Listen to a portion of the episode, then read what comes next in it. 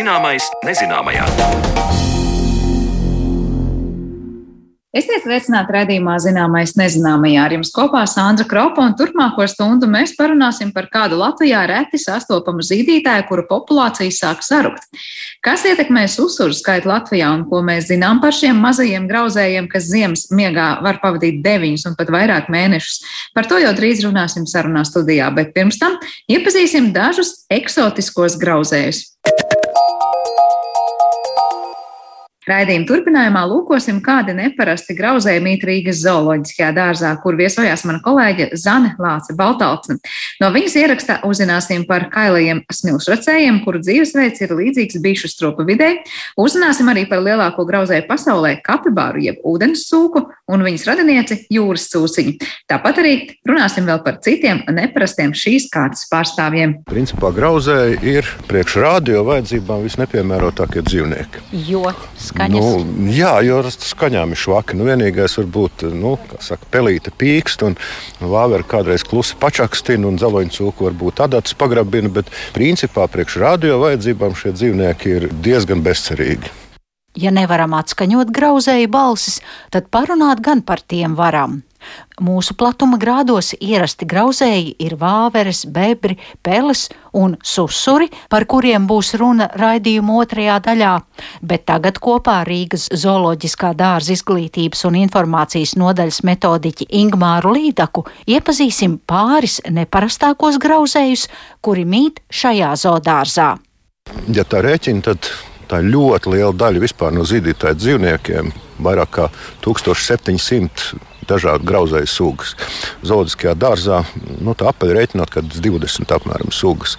Un divām sugām ir ļoti, ļoti liela nozīme zoologiskā dārza pastāvēšanā. Tā ir pelēkā žurka un, un mājas pēle, kuru nu, domesticētās varētu tā teikt. Ja, teiksim, formas, nezinu, vairāk kā 20,000 gabalu tiek patērēti visdažādāko zooloģiskā dārza plēsīgo dzīvnieku uzturā. Tā ir arī viena no grauzēju nu, vietām dabā. Ja, tātad lielākā daļa grauzēju sugu pilnīgi noteikti kalpo citiem par barību. Jo lielākā daļa grauzēju sugu ir tajā piramīdas daļā, kas baro visus pārējos ja mēs skatāmies uz apmēros lielāko grauzēju, tiek minēta kapibara jeb ūdenscūka, bet nav nekāda sakara ar. Ne, ar cūkām nav. nav. Tas kaut kā arī grauzējiem diezgan daudziem ir pielipuši dažādi nepareizi nosaukumi. Nu, kapibara ūdenscūka, nu, kapibara, protams, ir lielākais grauzējs. Ja?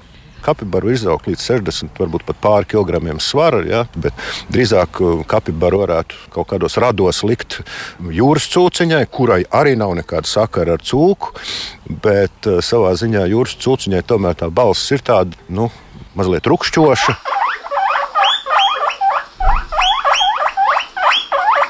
Un jūras cūciņa kādreiz ir arī kalpojusi tam pašam, ka mums kalpo kārtīgs mājas cūks. Jūras cūciņas ir ņemtas jūrniekiem līdzi uz kuģa, kā viegli uzturama svaiga gaļa.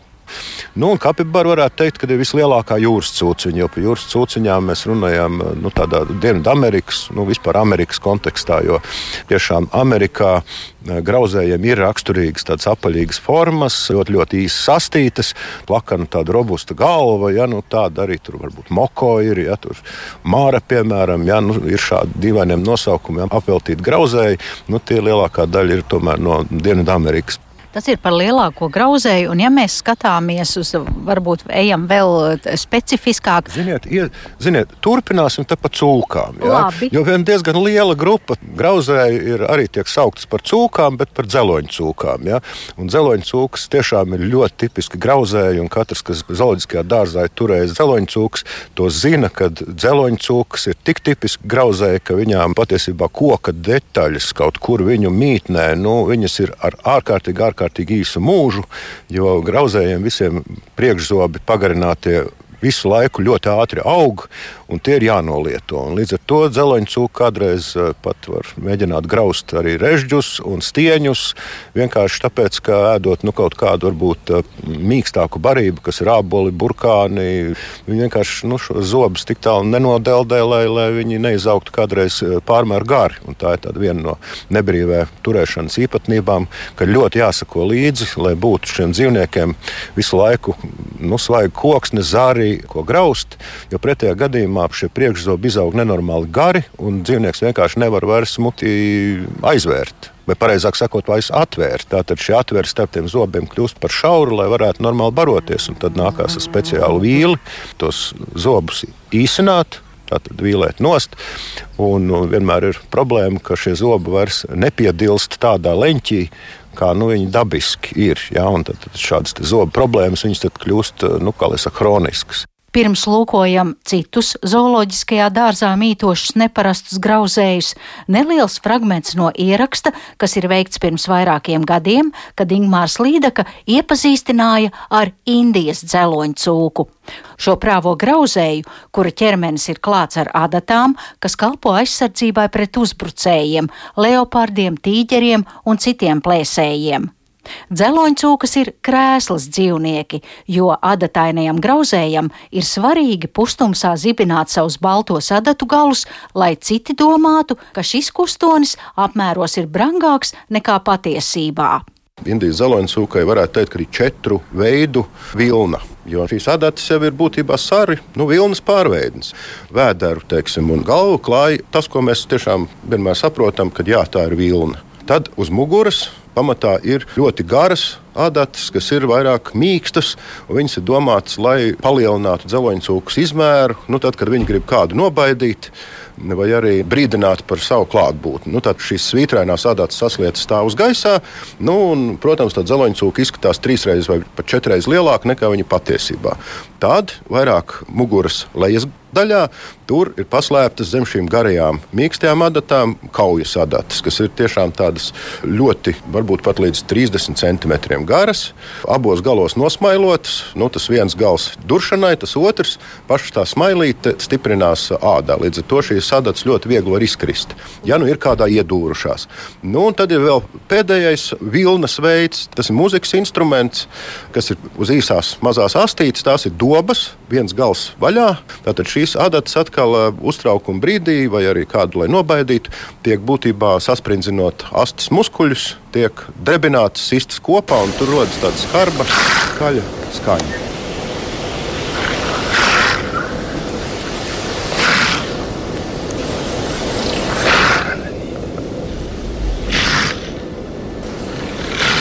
Tur varētu teikt, ka dzeloņa cūka vismaz matu ziņā ir par cilvēku vismaz četras reizes pilnvērtīgāka un arī apveltīta ar skanošu dibenu. Un ir jāpiebilst, ka mazuļi dzeloņu cūkai, tāpat kā ezēni, piedzimst ar mīkstām adatām, kuras nedēļas laikā top cietas. Bet turpinājumā uzzināsim par neparastu grauzēju, kurš nejūt sāpes un ilgi dzīvo. Bet pirms tam Ingmārs Līdaka iepazīstina ar grauzēju uzvedību. Liela daļa grauzēju, ceļš sīko grauzēju, ir slavena ar savu milzīgo vākšanas kāri. Ja, varbūt tāds slavenākais ir kāmītis, ja, kuram priekš šo krājumu veidošanas ir attīstījušies tādi speciāli vaigu maisi, kurus viņš var pieštopēt tik pilnus, ka tā galva izskatās gandrīz tikpat liela kā visas kāmītes kopā ņemot. Ja. Nu, bet arī šeit pat Latvijā, nu, kaut vai ūdeņu strupas, lauku strupas, nu, tie arī ir dzīvnieciņi, kuri veido diezgan, diezgan pamatīgus krājumus ziemai. Man pašam personīgi gadījies uziet ūdeņu strupastes krājumus, paslēptus zem nesen iestādītas sāpelītes saknēm, kas bija apmēram manas galvas lieluma vīkšķis ar nezāļu saknēm ar vārpatas saknēm. Jāsaka, ka laimīgā kārtā es atradu, jo, ja, ja teiksim, daļa no šī krājuma būtu līdz pavasarim nodzīvojuši. No abelītē būtu bijis ļoti, ļoti grūti, jo šie vārpati noteikti pavasarī sadīgt un sākt dzīt dzinumus un droši vien nomocīt abelīti. Tā kā ūdeņstrupas arī ir vareni krājēji.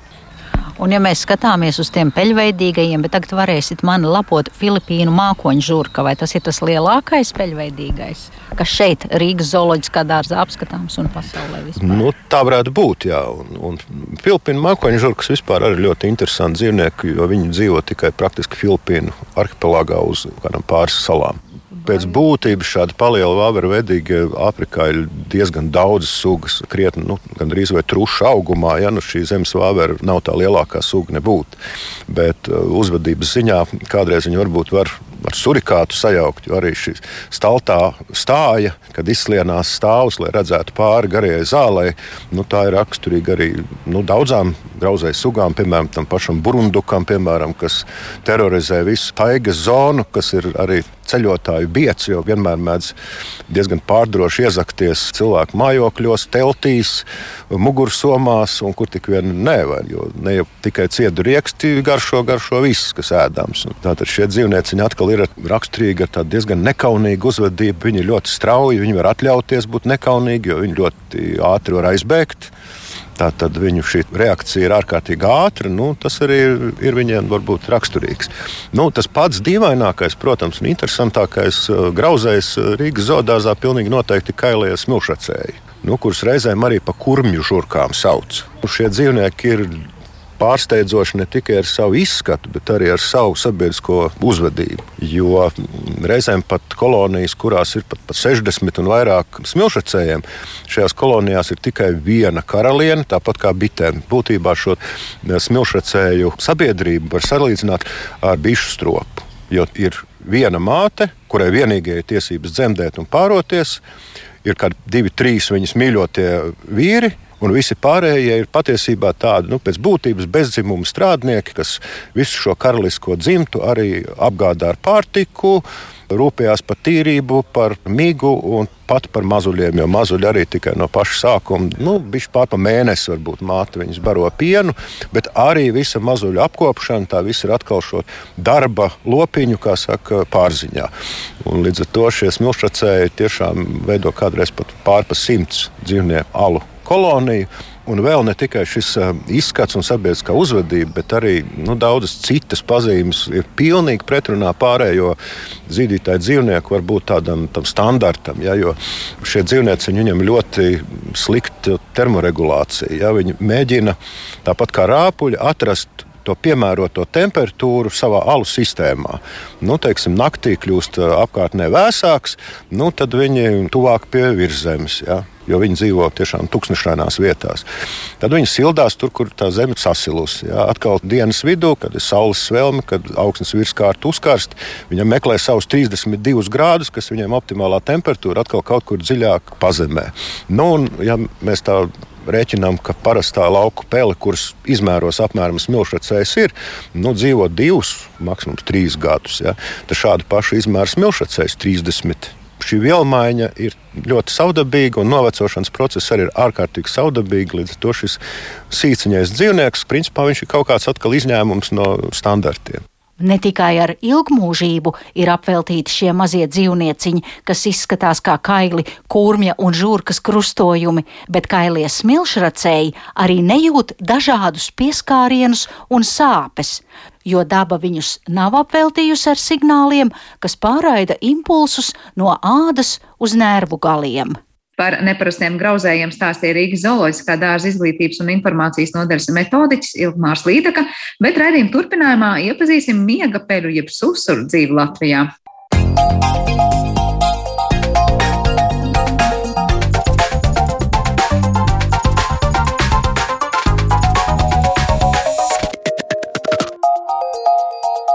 Zināmais nezināmajā.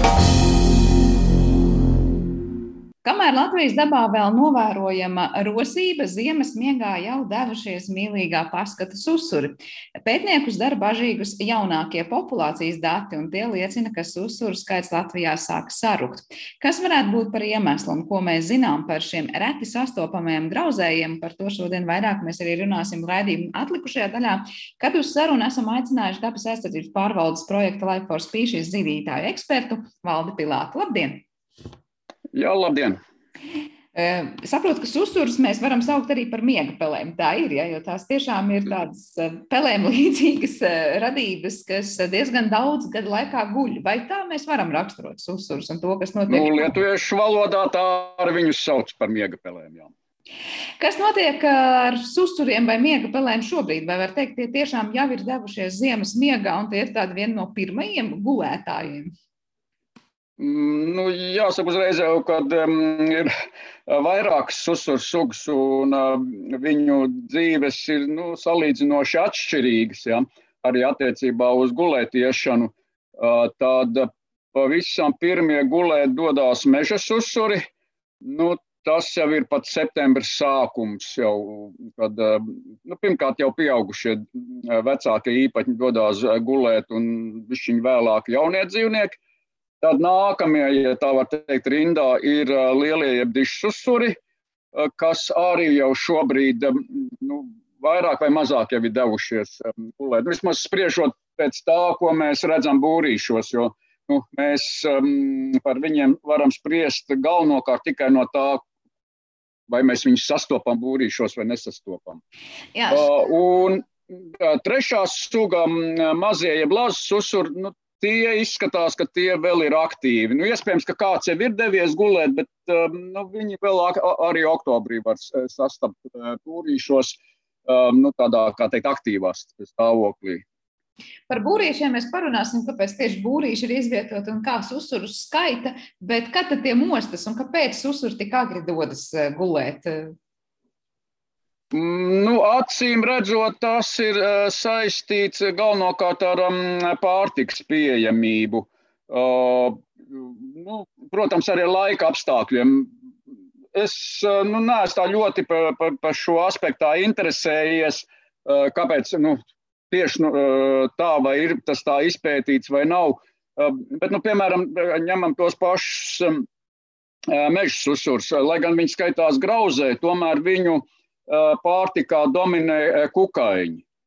Un acīm redzot, ka nu, uz to laiku, jau, jau septembris sākumā, to kukaiņu dabā kļūst nu, mazāk. Skaidrs, ka viņi joprojām ir, bet nu, acīm redzot, tie kukaiņi, kas šiem susuriem ir pieejami, noķerami, acīm redzot, jau, jau, jau kļūst maz, ka viņiem enerģētiski ir nu, kļūst neizdevīgi viņus ķert, ka viņš labāk jau, jau iet gulēt.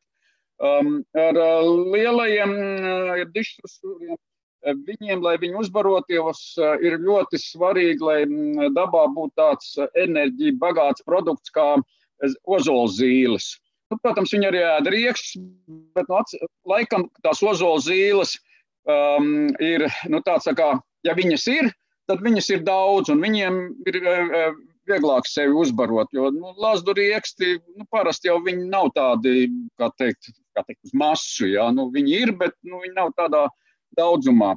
Uh, un tātad viņi ir ļoti pielāgojušies šim uh, pārtiks produktam, un tad ir izpētīts, ka tajos gados, kad nav ozolzīļu, uh, ka mātītēm vispār nedzimst mazuļi, un viņi var pat gulēt arī pat vasarā, ka viņi varbūt, nu, varbūt vienu mēnesi vasaras vidū padzīvojās un jau, jau iet gulēt. Jo, nu, atkal acīm redzot, tieši enerģijas taupīšanas nolūkos viņam ir izdevīgāk gulēt nekā uzbadā skraidīt riņķī. Ja.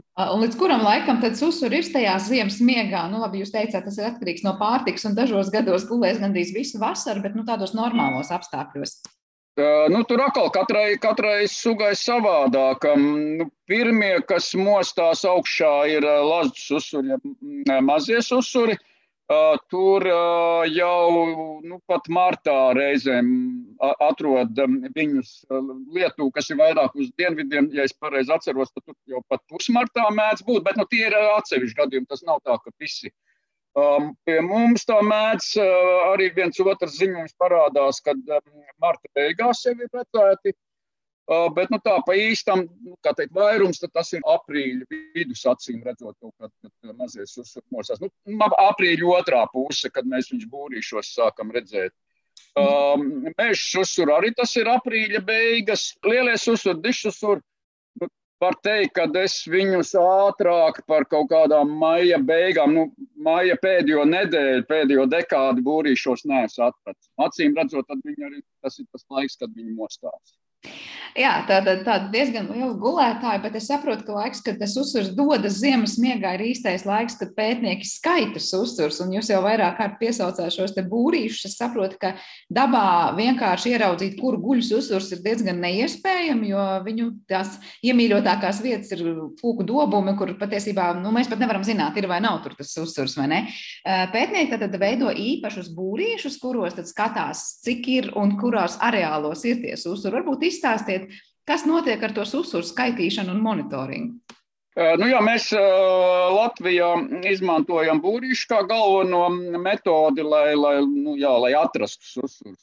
Jā, nu, teiksim, tā Lielbritānijā viņi taisa speciāli priekš uzsuriem būrīšu, kas nu, īpaši neatšķirās no putnu būrīšiem. Principā tā, met, tā veids, kā būrīši piestiprina pie koki, tas izšķirošais. Jo nu, normāli putnu būrīši jau liek tā, ka um, skreja ir projām no stumbra, ja, ja viņi liekas stumbra klāt. Uh, nu, tad susurbūrīši ir tādi paši putnu būrīši, tikai viņus pieliek ar, ar skreju pret stumbru. Uh, un galvenokārt tas ir um, tā, lai uh, nu, susurs, ja tā var teikt, pasargāt no liekas uh, putnu konkurences uz būrīšu izmantošanas. Jo nu, es esmu pats mēģinājis gan vienādi, gan otrādi, un es sapratu, ka susuriem jau, nu, ja var tā teikt, ir pilnīgi vienalga, vai tā skreja ir pret stumbru vai prom no stumbra. Ja viņš gribēs tajā būrītī apmesties, tad viņš apmetīsies. Vēl, protams, ir arī citas metodes, kā, bū, kā susurs daba atklāt. Tāda otra populārākā metode ir meklēt viņu midzeņus. Un, Literatūrā parādās ziņas, jau, nu, ka praktiski visām susurām ir šie ne, ne tikai dobumos, bet nu, teikt, ārējie midzeni. Nu, kaut kur starp zariem, um, kādā biežņā viņi veido tādas lodveida midzeņus, nu, tā kā tādas mazas, nu, nu, apmēram, piemēram, mazajam susurim tā varētu būt bišķiņ, bišķiņ kaut kas lielāks par tenisa bumbiņu. Tik liela tā, tā miga. Un, uh, Bet tur ir viens bet, kad es, nu, līdz šim Latvijā neviens nav atradzis ne meža susurim, ne lieliem susurim. Iespējams, ka mēs esam priekš susuriem nu, tiešām tāda ziemeļu valsts. Jā. Var teikt, ka tālāk par Latviju ziemeļiem susuri nav sastopami. Un iespējams šī, nu, bišķiņ tomēr skarbāka klimata dēļ, šīs sugas meža uzsvars un lielais uzsvars vispār tādas ārējas migas netaisa. Un iespējams, ka arī mazie susuri, lazas susuri, nu, relatīvi retāk taisa, ja, jā, ka viņi priekšroku dod nobumiem. Un vēl otrs moments, kad nu, es esmu pats nedaudz piedalījies šādi ārā atklāto migu meklēšanā. Nu, tas ir ļoti darbietilpīgs process un prasa arī nu, tādas ļoti, ļoti vērīgas acis, lai, lai šos pitneņus ieraudzītu. Jo viņi ir, nu, susur jau, kā teikt, nav muļķi. Viņi, viņi zina, ka kāds gribēs viņam migu atrast un viņi ļoti labi paslēpj. Uh, vēl viena metode, tāda plaši izmantot, ir, um, protams, likt slazdus. Nu, protams, susur gadījumā tie ir dzīvķeramies slazdi. Uh, Bet nu, atkal tā ir tāda mm, darbietilpīga metode.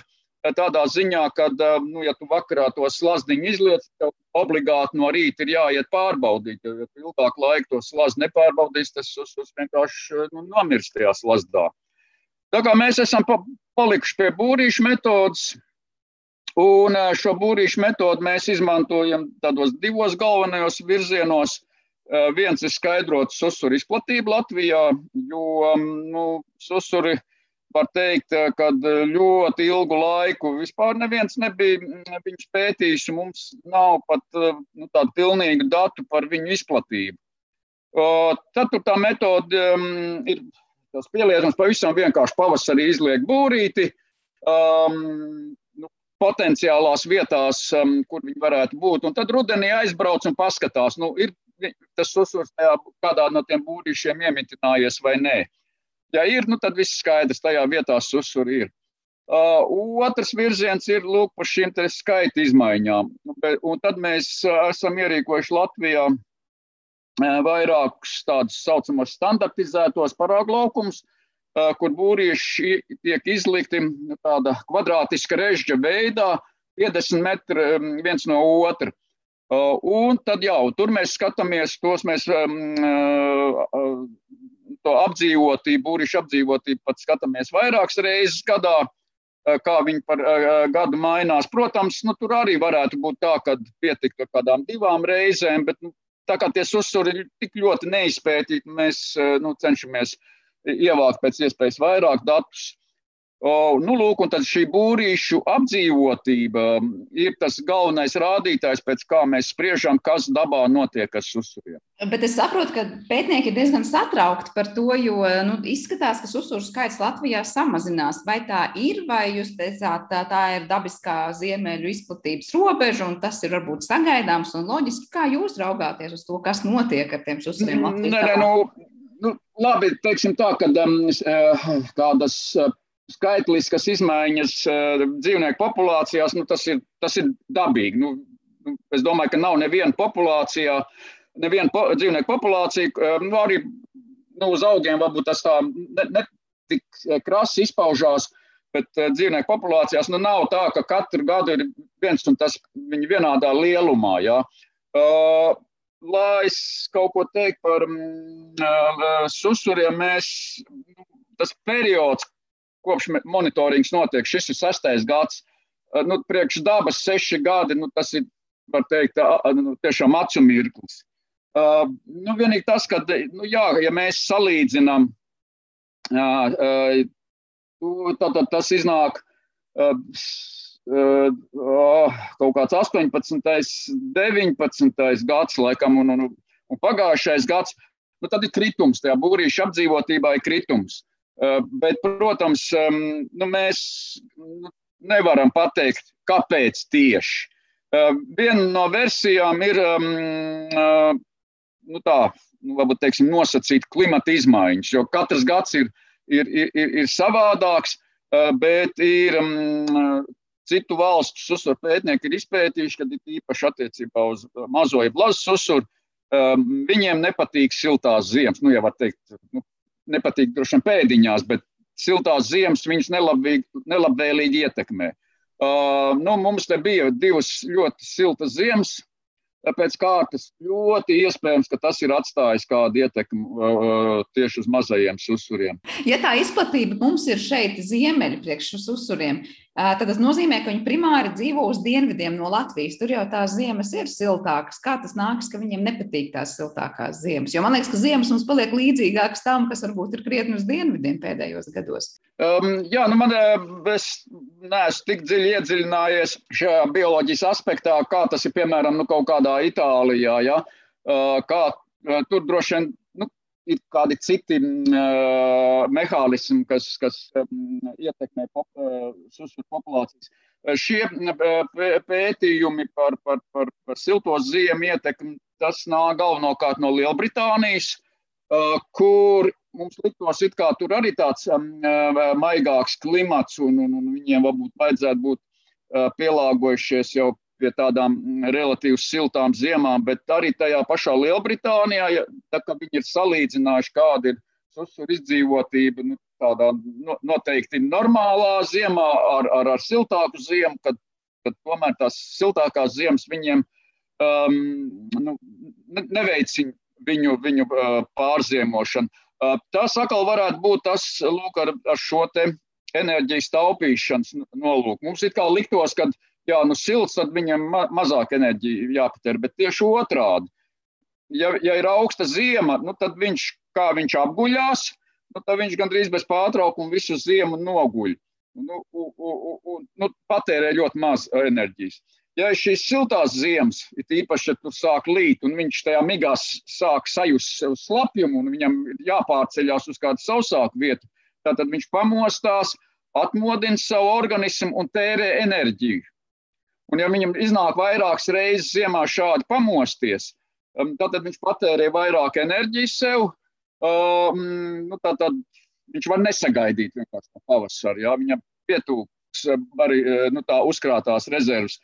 Plus, ja viņš sāk kaut kur ziemā pārvietoties, nu, viņš jau kļūst atkal pieejamāks nu, tie, kas grib ar viņu pamieloties. Tad, tad plēsējiem. Tā kā risks Tāds tas skaidrojums. Bet jūs teicāt, ka viens ir tikai tie klimatiskie apstākļi, kas vēl varētu būt par iemeslu, kāpēc susuru varbūt kļūst mazāk, vai viss, kas saistās ar bieži piesaukto meža izstrādi un varbūt vecāku koku trūkumu, arī varētu būt viens no vaininiekiem. Mm, nu, tur atkal ir, kā kurai sugai skaidrs tie, kas, kam vajadzīgi dobumi, tad, protams, tad ir vajadzīgi šie te, mm, vecie koki. Attiecībā uz lazu uzsuru, mazo uzsuru, nu, izskatās, ka viņš varbūt nav tik ļoti atkarīgs no šiem dobumiem, jo, jo, jo kā es teicu, viņi mēdz taisīt arī šīs atklātās migas, bet viņiem noteikti ir vajadzīgs, nu, sauksim tā, krūmu stāvs mežā. Un mums dažos no šiem paraugu laukumiem ir veikta mežsaimnieciskā darbība, tātad ciršana, Turpat nav kailcir. Tur, nu, es tā precīzi tādu nepateikšu, vai tā ir retināšanas, cita, izlases cita vai kāda cita, bet nu, fakts kā tāds, kad ir nu, mežs it kā ir palicis, bet viņš ir stipri rets un viss krūms stāvs ir izvākts. Nu, tur, protams, nulles. Un tie, tie, nu, šie gadījumi ietekmē arī tos mūsu monitoringa rezultātus. Ja. Tātad, ja, ja šāda ciršana ir bijusi mūsu paraugu laukumā, tas skaidrs, ka būrīšu apdzīvotība krītās. Bet vai susuri varētu būt Latvijas dabā nu, kaut kāds no indikatoriem, kā mēs bieži sakām, vai kas parādīs, kā dabā īsti lietas mums notiek, un vai mums dabā viss ir kārtībā, vai tas būtu par skaļu teikts? Nu, tas laikam būtu um, Latvijas gadījumā par skaļu teikts, jo jo, jo, jo nu, kā jau teicu, viņš ir uh, uz šīs ziemeļu robežas, un acīm redzot, uz viņiem vairāk uh, varētu uh, atstāt ietekmi tieši šīs te, nu, klimatiskie faktori. Un vismaz attiecībā uz dišusuru un meža susuru viņi pārāk reti tas, ka viņi dažās vietās Latvijā nevar uzreiz to izmantot, attiecināt uz Latviju kopumā. Arī lazas uzsvars ir sastopams tikai pusē no Latvijas. Ja? Tad atkal nu, nevar. Tas, kas ar viņiem notiek, nu, mēs nevaram uz visu Latviju attiecināt. Kuras ir Latvijā tās susuru vietas, nu, kur vismaz cilvēki varbūt var cerēt ieraudzīt susuru, cik tas vispār ir reāli? Nu, ja izliek eh, būrīšus, tad tas ir ļoti reāli. Bet, nu, atkal tad ir jā, jā, mm, vislielākās izredzes ir ieraudzīt mm, mazo jeb lasu uzturi, eh, un būrīši tad ir jāizliek um, nu, vēlams tādās vietās, kur aug glazdas, kā jau rāda um, dzīvnieku nosaukums, tad um, nu, viņam tiešām patīk vietas, kur aug glazdas, un tas ir jādara tajā Latvijas daļā, ko kādreiz sauca par kurzemes hercogistu. Tātad no Daugavas uz, uz rietumiem un dienvidiem. Nu, arī, protams, nevar noteikt vietas, kur viņi nebūs. Nu, nav viņi no, no, no vietas, jo nu, es esmu pats izlicis būrīšs tādās vietās, kur man liktos, ka viņiem noteikti jābūt, bet, bet viņi neparādās. Visticamāk, vienkārši tā vieta ir, ja tā var teikt, meža pudurs lauksaimniecības zemju vidū. Nu, tātad, ja, pudur, ja tas meža pudurs tur nav simtiem gadu vecs, un, un, un, un, un, bet nu, kaut kādā brīdī pat, ja tur tas varbūt tas pudurs ir bijis simtiem gadu vecs, bet kaut kāda iemesla dēļ tie susuri tur ir izzuduši, tad nu, viņiem ir grūti tur tikt atpakaļ. Uh, pieaugot um, mežu īpatsvaram, iespējams, ka uh, šī suga ir kaut ko, kā teikt, rekolonizējusi kādas vietas Latvijā. Bet, piemēram, es pats biju ļoti izbrīnīts, jo tas nu, gan stipri pasen jau pat pirms monitorings bija tika uzsākts.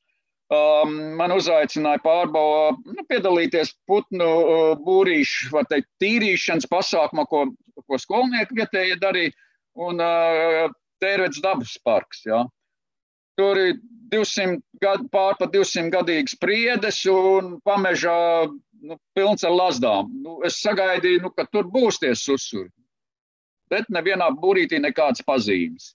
Bet, nu, principā, jā, tā tad um, tajā uh, Latvijas rietumu un uh, dienvidu daļā ir cerības ar būrīšiem tikt uh, pie mazajiem susuriem. Uh, lielais, jeb dišs uzsvars ir var teikt, divās tādās galvenajās vietās. Tā ir Gaujas senielei un Daugaus ieleja nu, starp skrīveriem, aizkraukli, vēl varbūt bišķiņu uz augšu pa Daugavu. Nu, tātad ļoti, ļoti tādas ierobežotas teritorijas, un pat priekš Latvijas mērogiem var teikt, ka mežs uzsurs viņam ir punktu veida atradne, jo tā ir tik maziņa, Tā ir mm, pie pašas Baltkrievijas robežas, mm, kur ir Silenes dabas parks, tad, tad tur viņš ir. Bet nu, tur viņ, tā tiešām ir. Tie, ja man tagad atmiņā nebija ap tūkstotis hektāru, tā, tā ļoti aptuveni tā viņa dzīves vieta. Ja mēs runājam ne tikai par Latviju, bet uzsuriem arī citās teritorijās, kāda vispār ir tā uzsuru vieta ekosistēmā, vai loma, vai niša, ko tie aizņem? Vai mēs varam teikt, ka, nu, lūk, ja uzsuri ir dabā, tad mums eh, viņi izēd kaut ko, kas savukārt, es nezinu, nesavairojas par daudz, vai savukārt viņi ir barības bāze kādam, kas ir atkal virs viņa un ļoti noteicoši tajā kopīgajā ainavā. Kā jūs redzat, nu, kur ir tās uzsura ekosistēmas perspektīvā ieguvums un vieta? Nu, jā, atzīst, ka es to par to tā dikti neesmu piedomājis. Um, man ir liels aizdoms, ka viņš ir tā, tā, tā, tā, tā, tās sugas, kam nav varbūt izteikti kaut kāda loma. Nu, viņi vienkārši dabā ir. Jā. Kādās, tur, kur viņu ir vairāk, iespējams, ka tur, tur kaut kā viņiem var kādu lomu piedēvēt. Jo Uh, nu, es neesmu dzirdējis, jā, kad viņi piedalītos kādas citu um, uh, organismu nu, grupu izplatīšanā. Uh, protams, viņus ēd, uh, bet tas, nu, ja, ja, ja uh, pūcēm nu, uh, ap, uh, uz simts pelēm apēd vienu susuru, nu, tādās proporcijās, nu, tad, nu, tad, tad, tad pūcis nu, noteikti iztiks arī, ja viņi nevienu susur neatradīs. Ja, kā, nu, es domāju, ka viņi vienkārši šīs te, tās, tas ķieģelīts, kas tajā dabas nu, sistēmā, piramīdās stabilizē visu to sistēmu. Skaidrs, ka varbūt, kad vien ķieģelīšu dēļ nu, tā sistēma nesabruks, ja tie susuri Latvijā pazudīs. Bet nu, viņi kļūs noteikti nestabilāki. Ir tas, ko ēdas uzsver, un savukārt, kas ēdas uzsvers bez jau piesauktajām pūcēm? Tā tad, kā jau teicu, mežs uzsver ir galvenokārt kukaiņēdāji. Pavasarī, ja viņiem, ja būrītī iemitinājusies kāda zīlīte vai mušķērājs, tad, nu, tad tas bēdīgi beidzās putnam pārsvarā. Un gan mazais, gan lielie susuni tie ir izteikti grauzēji. Kā jau es teicu, tad um, rudens periodā lieliem susuriem noteikti vajag zīles. Tas ir tāds, kā teikt, obligāti, obligāti pārtiks produkts, kas viņiem vajadzīgs. Pārējā laikā nu, ir, viņi var graust lapas, jaunos dzinumus, um, Piemēram, mazajiem susuriem pavasarī ļoti iemīļots pārtikas produkts, ja tā var teikt, ir ziedputekšņi. Jā, gan, gan nu, lazdas varbūt viņi ne, nepaspēja uz la, lazdu ziedēšanu, bet, piemēram, uz priežu ziedēšanu noteikti paspēju. Un, un, un liktos, varbūt nu, tāds mazs dzīvnieciņš, kas it kā pamatā dzīvojās pa lazdām, pēkšņi rāpjās nu, jā, 20, 30 metrīgās lazdās augšā un ēd um, priežu uh, ziedputekšņus. Tad, tad, tad, nu, tas, kas dotajā sezonā ir pieejams, uh, nu, to viņš ēd. Tad, tad pavasarī, vasaras pusē tas ir tas, kas zied. Nu, pēc tam ir uh, galvenokārt sēklas, uh, ogas un, un, un, un jā, rieksti un, un tā. Jā. Kas ir galvenie jautājumi, ko pētnieki mēģina noskaidrot par susuriem un kāpēc? Susuru pētniecība galvenokārt notiek Eiropā, Eiropas daļā, nedaudz arī Āfrikā. Uh, un, nu, nu skaidrs, ka viena tāda liela tēma ir par šo dzīvnieku saistību ar vidi. Ja, kā, uh, it, it, īpaši Eiropā, jā, nu, daudzās vietās um, susuriem klājās nepārāk labi. Un, nu, tā, tā, tā, tā doma ir, kā, kā, kas mums ir jādara, lai mēs varētu viņiem palīdzēt, kā mums varbūt tā dabas vide ir jāapsaimnieko, lai, lai, lai, lai neciestu šīs sugas. Uh, un tad jau atkal ir nu, tāda, varbūt, kā teikt, tīri tādi akadēmiski ja, pētījumi, ja, nu, fizioloģiski. Ja. Nu, nu, tie pētījumi virzieni ir stipri dažādi. Nu, kat, ka, katrā valstī nu, galvenās tādas, varbūt, lielvalstis uzsver pētniecībā ir uh, Lielbritānija, bet tur vairāk ir atkal vērts šis uzsver aizsardzības virzienā. Uh, un iesaistot sabiedrību. Jo tur monitorings galvenokārt balstās uz, uz, uz, teikt, uz brīvprātīgajiem, ja, kas izliek paši būrīšus, paši meklē šīs atklātās migas. Tad, tad, tur vairāk tajā sabiedriskās zinātnes virzienā viss notiek. Tādi akadēmiski pētījumi, tur viena no lielvalstīm ir Vācija. Nu, tur, protams, arī, piemēram, susur parazīti tiek pētīti, un um, kas, jā, tāds uh, fizioloģisks lietas. Ah, jā, nu vienu brīdi bija diezgan aktuāli iespējams, ka joprojām uh, nu, tas bija arī jau tagad kaut kādus, man liekas, mēs vēl nebijām sākuši pat monitoringu te Latvijā, uh, kad mūs uzrunāja no Japānas, no viņu kosmosa aģentūras, ja tā var teikt ka viņus interesēja uh, no Latvijas dabūt um, susurs, lai viņi varētu pētīt uh, lūk šo tieši ziemas miega tos procesus ar domu tādu, kad arī cilvēks varētu varbūt cilvēku iemidzināt, tā kā cilvēks sūt kosmosā, ka viņu iemidzināt uz, uz gadu, un viņš tad veselu gadu kaut kur kosmosa kuģi lidotu un, un, un, un tad, tad, tā teikt, nenovecotu. Jā, tā kā susura varbūt var savu zvaigžņu stundu vēl tikai piedzīvot planētā, jo mēģinās parādīt mm. citiem, kā var gudri un energoefektīvi varbūt gulēt ziemesmiegu, bet noslēdzošais jautājums pavisam īsi, kā cilvēkiem šobrīd neiztraucēt susurs, ja gadījumā tie ir tuvumā, tad, kad tie guļ ziemesmiegu, vai ir kaut kādi ieteikumi, ko noteikti nedarīt un ko mēs negribot varam nejauši nodarīt pār tiem dzīvniekiem? Uh, ir, um, es nu, pirmais, kas man nāk prātā, ja, ja dzīves vieta, ja, ja māja ir nu, teikt, tuvu mežam, tad var gadīties, ka susuri ir atnākuši apciemot uh, dārzu vai nu, uh, nosacīt uh, parku, kas, kas jums pie mājas ir. Un viņš var izdomāt, um, ja, Viņa, kad nu, pārziemos arī turpatās dārzā vai tīpaši zem lieliem kokiem, zem kur nobirst lapas, jo, ja, ja arī tur pagalmā auga lazdas, tad arī veidojas bies lapu slānis. Un lazdu, ja mazie susuriem ir raksturīgi, ka viņi šīs te, viņi arī ziemā uz ziemu satais šīs te migas, bet tās mīgas ir vienkārši uz zemes, starp lapām, nu, reizēm arī starp su, nu, kaut kādās sunu kārtā.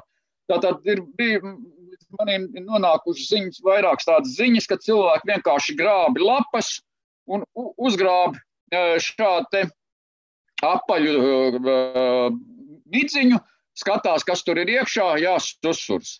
Uh, nu, es pirmais jau varbūt būtu, ka vispār nebūtu, jā, ja ir apaļa midziņa, savīta no zāles stiebriņiem, nu, tad nevajadzētu, tad tur varbūt īpaši arī mēģi, à, nu, arī, arī lapas būs, protams, tur ievītas pašā varbūt tajā centrā, kad, nu, ne, nemēģināt skatīties, kas tur vidū ir, uh, un to, midziņu nolikt um, tādā vietā, kur neviens viņu nevar sabradāt, sabraukt un tā tālāk, un tāpat uz zemes un samēt pa virsmu tikai lapas, un lai susurs tur, nu, visticamāk, tas būs susurs, lai viņš tur uh, guļ. Nu, ja ir kādas um, pavasarī, vasarā nenovāktas zaru čupas, tad, nu, laikam nebūtu labi viņas dedzināt uh, tieši tajā vietā, nepārkraujot um, uh, rudenī, jo var gadīties, ka, ka tur zem tās zaru čupas ir susurs izdomājis ziemot. Nu, tas ir tas, kas man nāk prātā, jā, ar, ar, ar kā cilvēks varētu ietekmēt susurs tagad rudens laikā. Tur, kur ir meža susuri, ja, tur nebūtu vēlama nu, zemes āršana, jo pretstatā mazajiem lazu susuriem, meža susuri, var teikt, ienirst zemē, ierokās. Bet viņi ierokās tā, ka aiz viņiem nekādas salas nepaliek. Tāpēc es nu, tā pārnestā nozīmē saku ienirst. Augsnē, nu, tās ir, smil, viņi izvēlās smilšainas vietas, Nu, tad, protams, ja izdomā tādā vietā pēc kādas me, meža ciršanas, nu, lai veicinātu meža atjaunošanos, uzārt šo nu, vietu, ja, tad, nu, tad tas var arī susurs ietekmēt. Nu, tā tā ir tikai tā viena vieta, tad nu, tur tās darbības ar mums tiek saskaņotas un, un, un cerams, ka tāds briesmas viņiem tur nedraudēs. Jā, nu, cerams, ka uzturiem pāri neviens nenodarīs šajā ziemas periodā, lai viņiem ir labs miegs un ceram uz veiksmīgu pamošanos pavasarī. Paldies jums par šo sarunu, un es atgādināšu klausītājiem, ka šajā raidījuma pusstundā mēs bijām kopā ar dabas aizsardzības pārvaldes projektu Life Force Species zīdītāju ekspertu Valdu Pilātu. Par šo raidījumu parūpējās producenta Paula Gulbinska un mūzikas redaktors šai stundē bija Girs Bišs, savukārt ar jums kopā bija Sandra Kropa. Visu labu!